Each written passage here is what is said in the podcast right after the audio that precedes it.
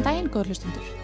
Ég heiti Nanna Kristundóttir og þið eru að hlusta á átjónda þátt á útastættinum Classic sem er jáfnframt loka þáttur í fyrstu seríu. Ég vil byrja því að þakka ykkur kærlega fyrir samfélgina í vetur og ég hlakka til að eiga fleiri gæðastundir með ykkur í sömar.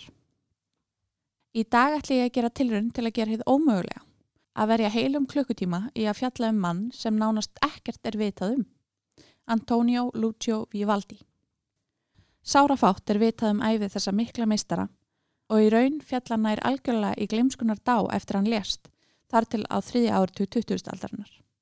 En þar sem Vivaldi var mjög þekktur karakter á sínum tíma þá hafa sagfræðingar og tónlistarspekulantar geta gert sér í hugalund svona um það byl hvernig æfið hans var. Hann fættist hann 4. mars 1678 í Feneum sem þá var höfuðborg feniska líðeldisins. Ítalija var á þeim tíma ekki til sem konsept, heldur samanstóð af mörgum litlum borgríkjum. Fóreldrar Vivaldís voru Giovanni Battista Vivaldi, rakari sem gerðist síðar atvinnu fylguleikari og Camilla Calicchio, en saman áttu þau alls að minnstakosti sex börn. Samkvæmt kirkjubókum var Vivaldi skýrður skindiskýrð strax eftir fæðingu, en ekki við hátíla aðtöfni kirkju eins og týðkaðist. Þetta vekur aðtökli og eru taldar tvær ástæður geta verið fyrir þessu. Svo fyrri er svo að jærskjaldi reið yfir fenegar daginn sem Vivaldi fættist og skelkaðir fóldrar hans hafa mögulega óttast um öryggi unga barsins og um leið sálþess. Önnur kenningar svo að barnið hafi verið mjög veikburða við fæðingu og hafi vart verið hugað líf og þess vegna hafi verið talið viturlegt að skýra það til vonur og vara. Vívaldi var allatíð mjög heilsuveill svo að það hefur fært stóður undir þá kenningu. Hann brakkaðist þó þokkalega og var skýrður með pompi og prakt tveim mánuðum síðar.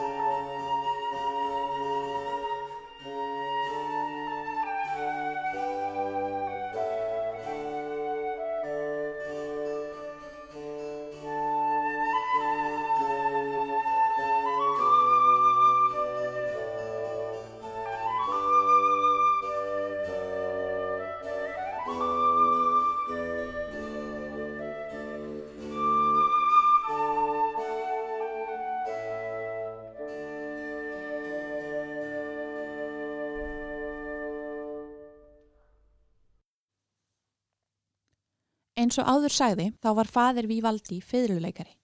Vísbendingar eru meira að segja um að hann hafi verið tónskáld og það er nokkuð víst að hann hafi kent Vívaldi í hljóðfærleik sem barn. Meða við þá undraverðu hæfni sem heimildir benda til að Vívaldi hafi búið yfir við tvítjúksaldur má ætla að þetta óformlega nám hafi hafist mjög snemma. Einni er talið mögulegt að einhverja vinum Vívaldi eldri hafi kent ungamanninum tónsmíðar en fadir Vivaldís átti marga góða vini innan tónlistarelitu Fenea. Þegar Vivaldi var um 12 ára gamal fór fadir hans að taka hann með sér þegar hann spilaði viðsvegar um Fenear, yfirleitt í kirkjum við helgihald. Þar fekk Vivaldi að spreita sér sjálfur á fylunni en þetta voru fyrstu skiptin sem hann kom fram fyrir framann áhörvendur. Þetta var upphafið af mjög svo farselum ferli sem fyljuleikari en hann var sagður engum líkur þegar komaði að spila á fyllu. Hann samti líka langmest fyrir fiðluna, meðal annars líklega frægustu fiðlukonserta sögunar, en meira um þá síðar.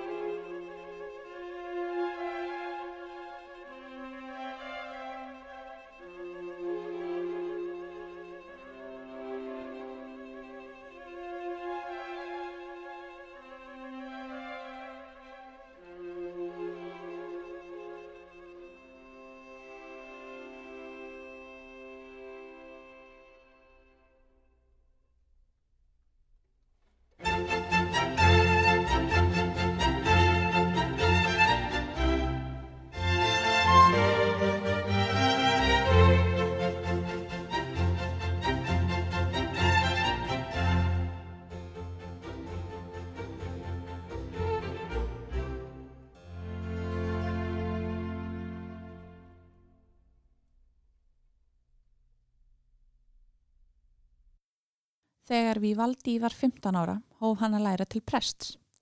Uppi hafa verið miklar vangaveltur um það hvers vegna Vivaldi ákvaði að verða prestur því hann síndi það síður á æfinni að hann hafði korki sérstaklega mikinn áhuga á að yfka trú hvað þá að predika hana og var auk þess of heilsuvill til þess að geta synd starfinu almennilega.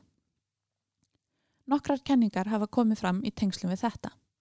Svo fyrsta er svo að fátæk fjölskyldan hafi einfallega ekki séð annan kost í stöðinni en að hann erði prestur, svo hann geti stutt við fjölskyldu sína. Enda var fátt um fína drætti þegar komað atvinnutækifærum fyrir fátæka almóðrengi nema þá helst að læra til prests í vonum að fá útlutað almennilegu brauði. Önnur kenningar svo að móður Vívaldís hafi óttast svo um líf svona síns þegar hann fættist að hún bað til Guðs og sór þess eið að ef sonur hennar fengi að lifa skildi hann verða prestur þegar hann er þið stór. Svo þriðja og svo líklegasta er svo að Vívaldi og fóldrar hans hafi í saminningu komist að þeirri niðurstöðu að með því að verða prestur geti Vívaldi synd sínu aðal höðarefni tónsmíðum og fylguleik meðfram hefðbundum skildum prestsins. Fóreldrar Vívaldís verðast hafa átt að sé á hæfileikum svona síns og séð fyrir sér að þetta veri ákjósanlegasta leiðin fyrir hann, verandi fátækur og því ekki í stöðu til að gera tónsmíðar að einu fyrirvinnu sinni. Þannig að þrátt fyrir að vera kannski ekki 100% all in svona trúarlega og að eiga eftir að eiga í erfiðleikum með sumar af reglunum sem fylgdu því að verða katholskur prestur svo sem skýrlífi setna á æfinni, Þá kláraði Vívaldi í námið og var vigður sem prestur 25 ára árið 1703.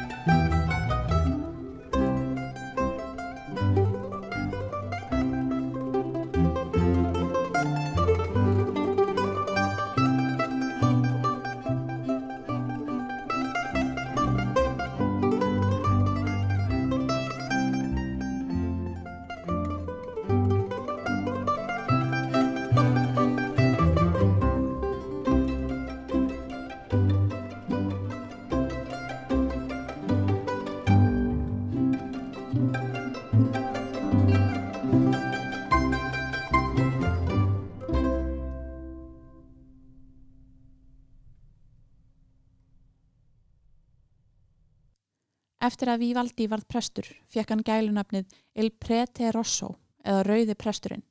Stundum kallaði Rauði presturinn sem spilar eins og djöfullin, sökum þess hver feimur hann var á fiðluna.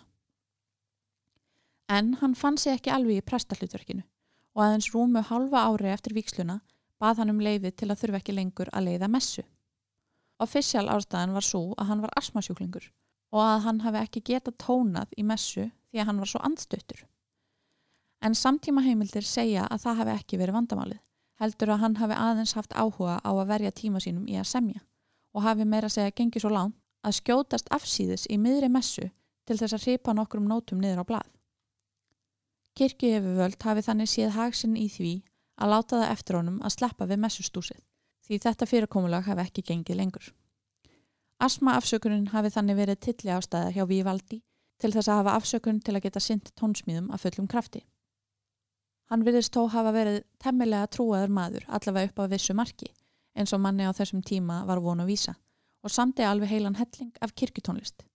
Því miður hefur ekki mikið varðveist af henni en meðal þess sem hefur varðveist er þetta hér.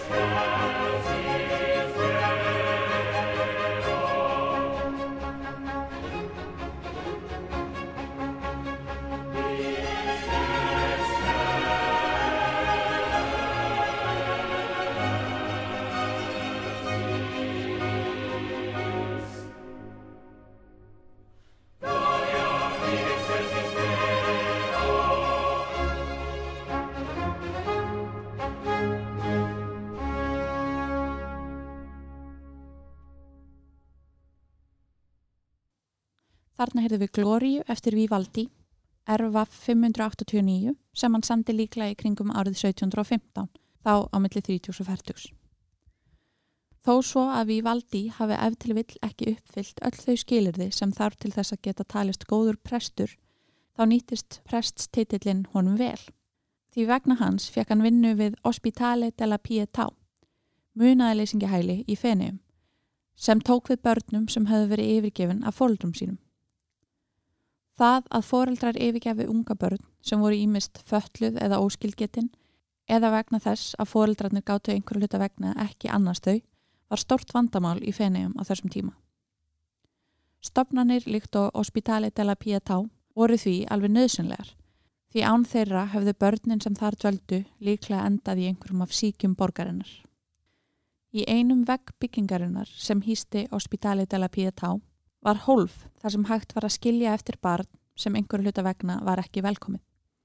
Í skýslu munaðalýsingi hælisins er að finna upplýsingar um börnin sem voru skilin eftir, í hvað þau voru klætt og líkanlegt ástand þeirra.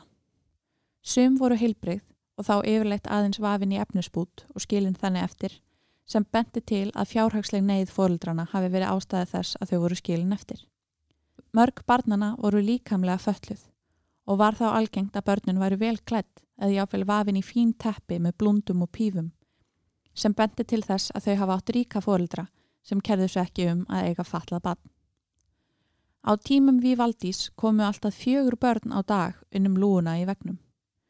Dánartíðinni barnana var mjög há, líklega vegna þess að þau voru heilsuveil og dæmi er um að á einni viku hafi komið átta börn innum lúuna en sjö af þeim hafi dáið stuttu setna.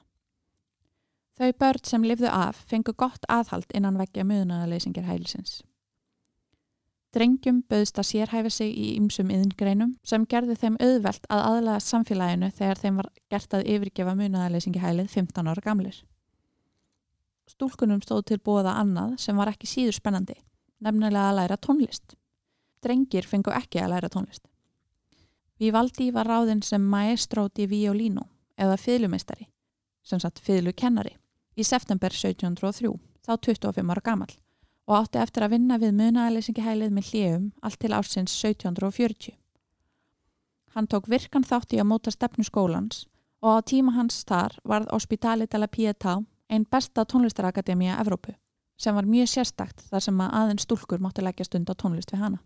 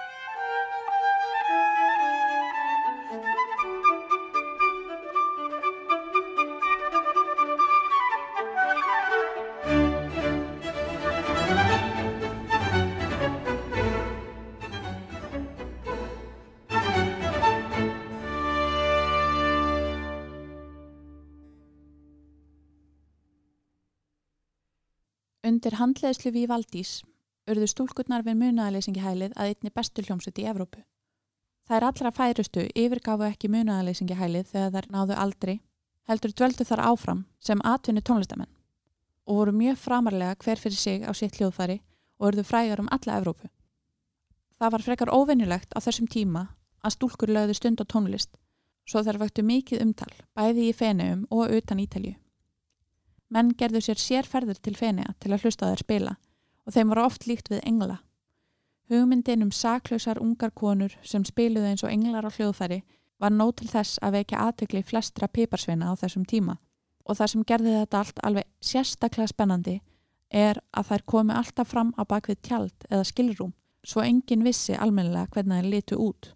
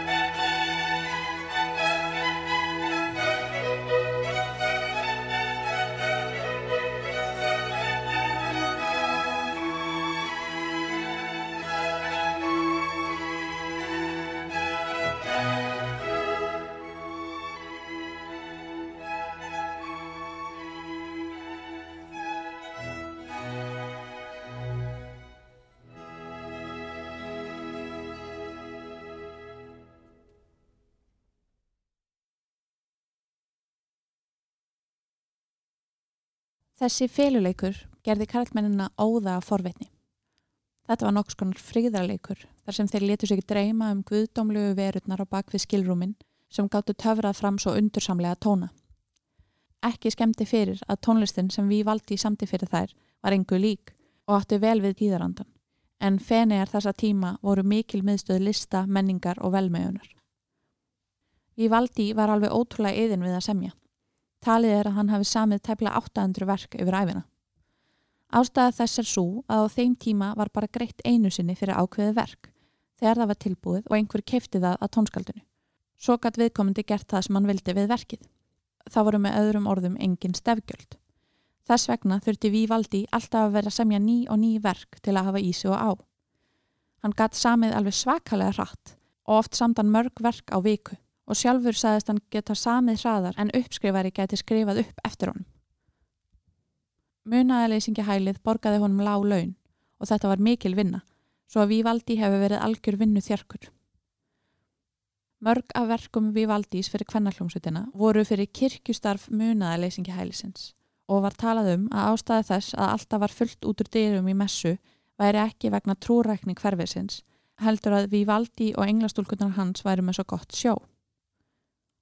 En margir spurðu sig, Er ekki áhætta að láta ungan mann hafa umsjón með svona mörgum ungum konum sem líta upp til hans og vinna svo náið með honum? Er þetta ekki uppskrift að einhverjum ósýðileg heitum? Yfirvöld munaðilesingi hælisins töldu svo ekki vera, enda var við valdi prestur, maður guðus og því kynlaus í eðli sínu og að sjálfsögðu hreitt sveit. Eða hvað? Á tímum við valdi var ópera vinsalasta listformið og hann vildi Olmur spreita sig á því sviði enda var það vanlegast til vinnings fyrir tónskáld sem vildi auðgast almennilega. Það voru alvöru peningar í óperu. Fyrsta ópera hans var frumflutt árið 1713 og hann gerði sér fljótt gott orð á því sviði. Óperur hans nutu mikill að vinsalda og hann var smám saman efnaðari og þekktur sem eitt vinsalasta tónskáld Ítalíu. Talið er að hann hafi samið í kringum 100 óperur en aðeins 50 þeirra hafi varðist. Í kringum árið 1718 böðst við valdi í staða tónlistarstjóra við hyrð héraðstjóra Madúa í langbarði héraði.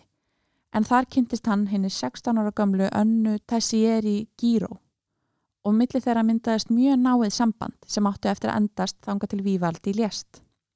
Anna átti sér þann draum að verða söngkona og Vívaldi setti það sem skilirði að hún erði prímadonna eða aðalsöngkona í öllum óperum hans. Einu gallin var sá að þó að Anna væri alveg sérstaklega falleg og aðlæðandi og með frábæra sviðframkomu þá var hún alls ekki góð söngkona. Þetta nána samband þeirra við Valdís vakti aðtegli og voru margir sem efiðust um saklýsi þess. Eins og þegar við Valdí vann við munaðalysingahælið þá voru margir ekki síst pervertar samtímans sem hafa grunað við Valdí um græsku og að hann hafi átt í kynferðslegu sambandi við einhverja af þessum konum. Sögursagnindar voru mjög hávarar þegar komað sambandi önnu og við valdís en þau neytiði því alltaf að um nokkuð dónalegt hafi verið að ræða. Þau voru einfallega bara mjög góðir vinir. Það er engin leið fyrir okkur 300 árum setna að leggja mat á eðli sambands þeirra en eitt er víst og það er það að þetta vakti mikla spurningar á sínum tíma og kann að hafa átt þátt í því að við valdi yfirgaf fenegar að því er viðist mjög skindilega árið 1740 og hjæltir vínar. Það var langt og erfitt ferðalag yfir Alpana fyrir 63 ára asmasjúkling svo að þetta hefur vækið aðtikli. Nokkra kenningar hafa komið fram um hvað olli brottkvarfi hans. Tónlist við Valdís datt smám saman úr tísku. Óperur voru ekki lengur jafnvinsalar og við Valdi sem á hápunkti ferilsins spilaði fyrir konunga og drottningar Evrópu sem vinsælisti tónlistamæður Fenea var allt í einu í öllu sinni orðin blá fátækur ef til vill vonaðast hann til að fá stöðu við austurísku hyrðina. Aðrir haldaði fram að við valdi hafi verið gerður útlægur fyrir pólitíska undirtóna ópera sinna. Þó að tónlist við valdís verðist í okkar eirum frekar meinlaus, þá var hún mjög provokativ á sínum tíma. Þriðja kenningin er svo að við valdi hafi komið kirkjöfuvöldum upp á móti sér með sambandi sínu við önnu og hafi ekki séð annan kost í stöðinni en að yfirgefa fenegar. Hann fór eins og áður segði til Vínar árið 1740 en það reyndist ekki vera gæfuspor fyrir kallin. Því réttum árið setna, í júli 1741, lést hann 63 ára gamal.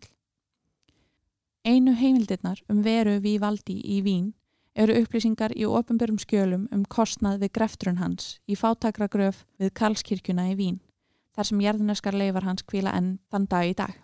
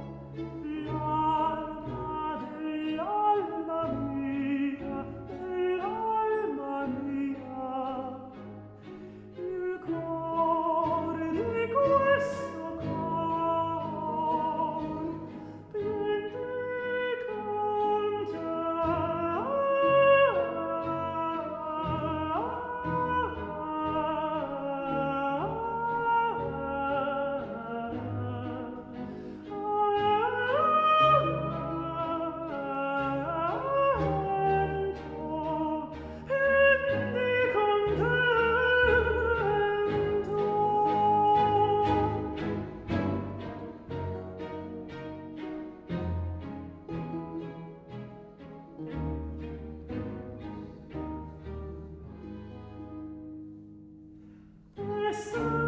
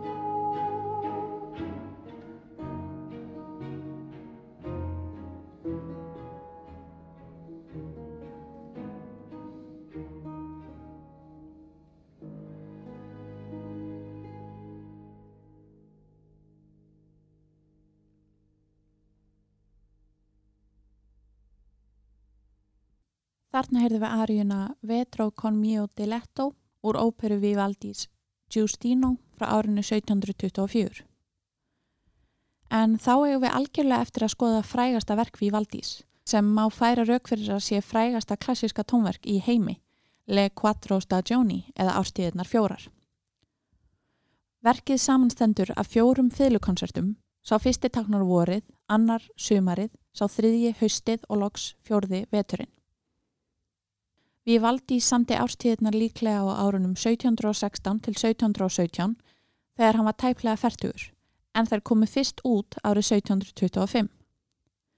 Um er að ræða byltingakent verk, jafnvel fyrsta konseptalbúmið og við valdi notaði tónlistina til að leika eftir hluti úr náttúrunni svo sem fugglasöng, lækernið og hundskjeld á máta sem ekki var fordami fyrir á þessum tíma.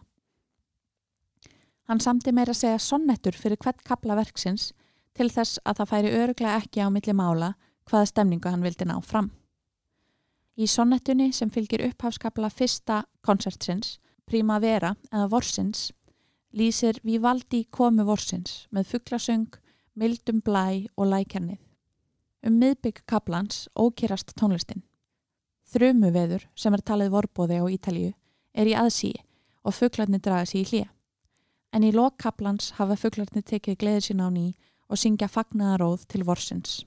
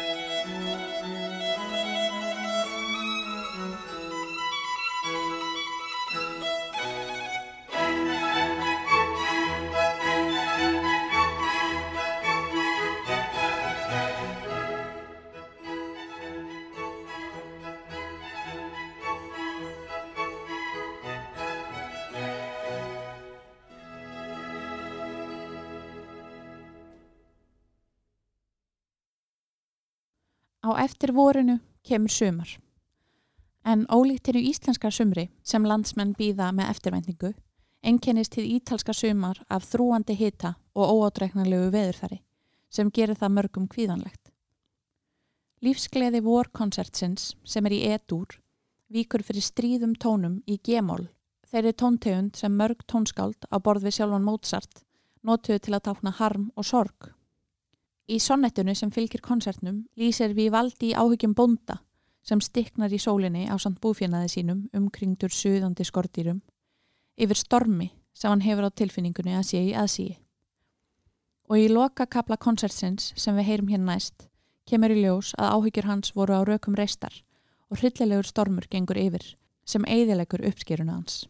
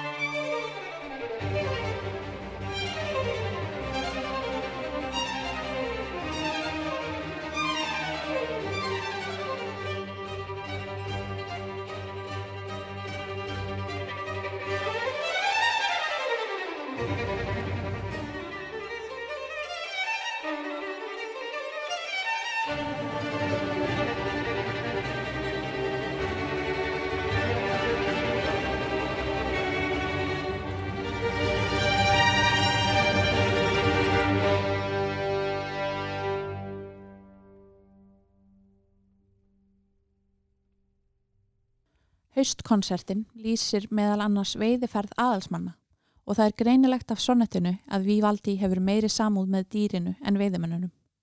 Lokakablin er háðust stef sem táknar hrókafulla veiðimennina sem elda upp í saklausan göld, vopnaður bissum og veiðihundum. Göldurinn best hetjulega fyrir lífi sínu en ávið ofureflega etja, örmagnast og deyr.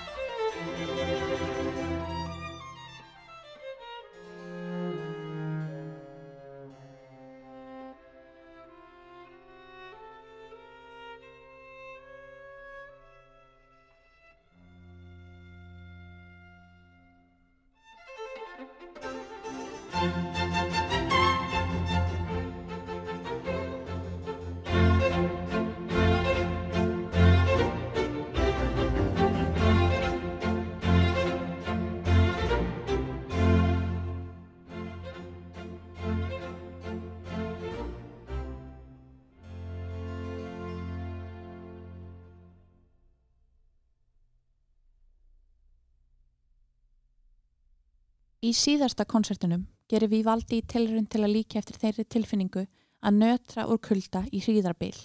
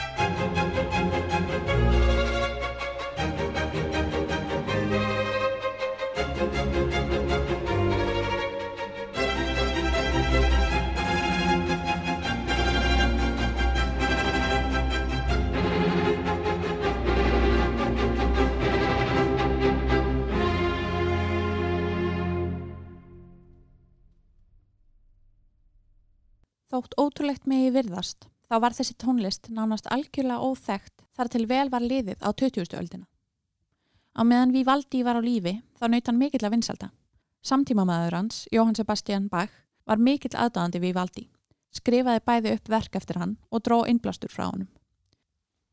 En eftir að Vivaldi lést árið 1741 fjall hans mam saman í gleimsku og þeir fáu sem voru meðvitaður um tilvist hans myndust hans aðalega sem fýðluleikara og fyrðulags prests. Það litla af verkum hans sem Bach skrifaði upp var það eina sem bar þessi vitni að hann hafi verið ágetist tónskald. Í upphafi 20. aldarinnar fóru tónlistarspekulantar að sína Vívaldi áhuga og þá átti sér staði nokkus konar Vívaldi revival. Menn fóruð að líta í kringum sig í leitað uppskriftum af verkunum hans og þær fundust á endanum. Þegar gera átti upp skóla í Torino fannst hellingur af handskrifðum nótum sem Vívaldi hafði skrifað sjálfur. Árið 1926 fundust svo 14 bækur til viðbótar í klaustri í Piemonte á norður Ítalju. Eftir setni heimsturöldina má segja að það hafi greipið um sig Vívaldi í æði. Klassískir tónlistamenn keftust við að taka upp verkinans og á svipum tíma kom breyðskífan fram á sjónasvið svo að tónlist hans gatt breyðst út enn víðar. Vivaldi er í dag rækilega búin að tryggja sér sess meðal fremstu tónskálda vestrætnar menningar og magnað til þess að hugsa að fyrir hundra árum síðan hafi nánast engin verið meðvitaður um tilvistans. Ég hef haft það fyrir hefð hér í útastættinu klassik að enda hvert þátt á einhverju nýlegu lægi sem notfæri sér stef eftir tónskaldið sem er til umföllunar. En í dag stendst ég ekki mátið að enda þáttin á mögnuðu sampli.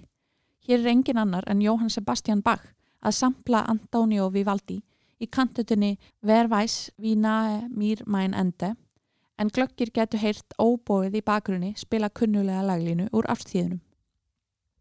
Aðtegli vekur að þessi kantata var samin aðeins tæpu ári eftir að ástíðunar komu út þannig að þetta hefur verið ansi körrent hjá honum bakkokkar. Með þessari kantötu hveði ég í byli og hlakka til að sjá okkur í júni.